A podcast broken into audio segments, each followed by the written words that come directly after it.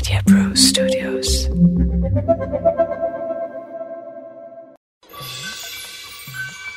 ए भाई राजा हो चाहे रंक हो अगर केहू के बहकामा में आके केहू आपन आदमी से असंभव होए वाला कार करे के कह दे तो बीच सभा में लज्जित होखई के पड़ जाई Big FM Podcast. प्रणाम, नमस्कार, हम हैं आरजे चोखा, आ रउआ सुन रहल बानी गोनू झा के गुदगुदाते किस्से। जे हमें आज हम रउआ के सुनाई कहानी शेर का दूध एक समय के बात है कि मिथिला नरेश कई दिन से बीमार रहने वैद हकीम सब आयल जाँच पड़ताल कैले लेकिन उनके बीमारी के पता ना लगा पैले धीरे धीरे मिथिला नरेश अस्वस्थ हो गए आ तनी दुबराउ गए आ केहू भाई बीमार है, दू चार, दस दिन पड़ जाये तो दुबर पातर तो हो जाये लेकिन दरबार कहीं ना छोड़ले। एक बार ऐसे उ दरबार में बैठल रहले तो उनके दरबार में गोनू झा से ईर्ष्या रखे वाला, जरे वाला बहुत सारा दरबारी भी रहे। वो लोग एह नाते जड़त रहे कि मिथिला नरेश गोनू झा के अक्सर इनाम देवल करें और उनके बड़ा मनबो करें। वही में से एगो ईर्ष्यालु दरबारी राजा साहब के सुझाव दिल कि महाराज, राउर तबियत बहुत जल्दी ठीक हो जाये अगर रउआ शेर के दूध पी नहीं तब। राजा साहब कहले, लेकिन भाई शेर के दूध मिली कहाँ? तो दुष्ट दरबारी राजा के सलाह देत कहलस कि, महाराज, ई व्यवस्था गोनू झा तुरंत भर में कई सकल है। काहे से कि इनका हित नात जितना बाढ़ केहू कैसन तबियत खराब होखेला तो उ शेर के दूध के व्यवस्था कराई देले। इतना बात सुनला के बाद महाराज फ़ौरन आदेश दिले कि गोनू झा के दरबार में बुलावल जा। गोनू झा दरबार में उपस्थित भइले, प्रणाम कैले राजा साहब बोल पड़ले। गोनू झा जवन काम तू अपना खास खातिन करेला, उ अब हमारा खातिन करे के बा। गोनू झा चौंक गईले बोलने महाराज ऐसा कौन काम है?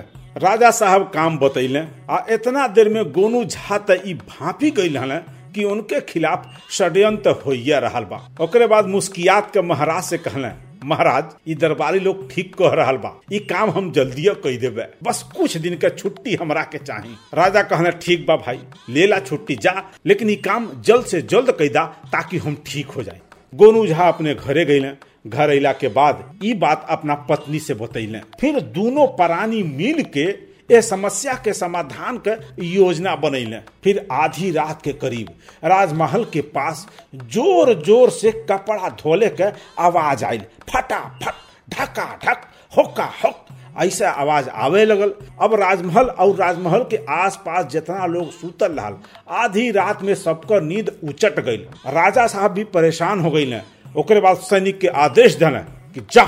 जल्दी से वो धोबी के पकड़ के लेके आवा, जब आधी रात में यहाँ कपड़ा धो रहा बा। सैनिक गईले वो धोबी के पकड़ के लेके अले राजा साहब देखले तो इ तो गोनू झा के पत्नी है। फिर राजा साहब कहले ओझाइन तू आधी रात में आखिर कपड़ा काहे धो रहल बाड़ू? ओझाइन सकुचात कर कहली, महाराज वो कहा न कि ओझा जी के शाम से ही प्रसव पीड़ा होत रहा है। और अभइन अभिन उ एगो के बालक के जन्म देहले है। यही कारण यह समय कपड़ा धोवे के पड़ रहा बा। राजा आश्चर्यचकित हो गई कहले, बिल्कुल असंभव। अरे, मर्द भी कहीं बच्चा के जन्म दे सकल ओझाइन कहली, क्षमा करी महाराज, जब शेर दूध दे सकेला तो मर्द कहे ना बच्चा के जन्म दे सकेला? महाराज के काटत खून नहीं, एकदम सन्न हो गई आ फिर उनके अपने अज्ञानता पर पछतावा भइल और अपने ही ऊपर हंसे भी लगल। अगले दिन दरबार में गोनू झा के बोले और उन्हीं के सामने सगरो दरबारिन के डटल।